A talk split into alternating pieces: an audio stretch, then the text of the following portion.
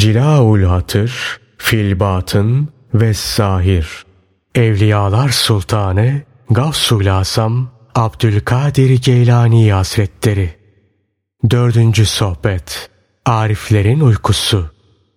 Kalp düzelince, sağlamlaşınca onda zikir daimi olur. Onun etrafına ve her tarafına zikir yasılır. Böylesi bir kalbin sahibinin gözleri uyuyabilir. Ama onun kalbi Rabbini zikreder. Bu hal o mümine peygamberi Hazreti Muhammed sallallahu aleyhi ve sellem'den miras kalmıştır.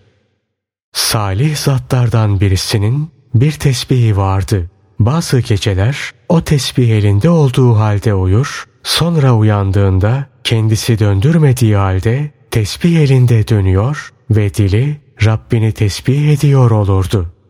Sufiler uyku üzerlerine ağır basınca peygamberleri sallallahu aleyhi ve sellemin sünneti gereği uyurlar. Bazı sufilerse gecenin bir kısmını özellikle uyuyarak geçirirler.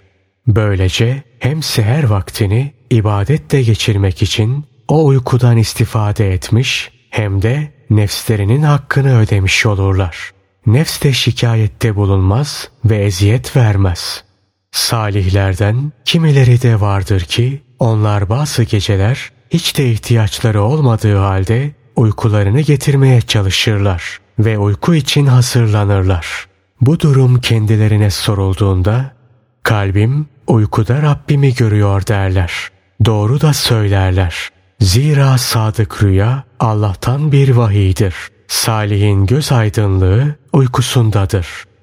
Hakkın yakınlığını kazanmış olan kişi için özel melekler olur. O melekler ona vekillik ederler. Her zaman onu korurlar. O uyuduğu zaman onun yanı başında ayaklarının ucunda otururlar.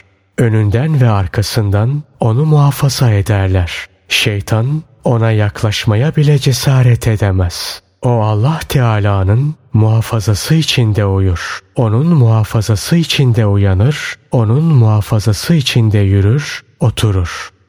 Allah'ım bizi her halimizde muhafazan altına al. Bize dünyada da ahirette de güzellik ver ve cehennem azabından bizi koru. Amin.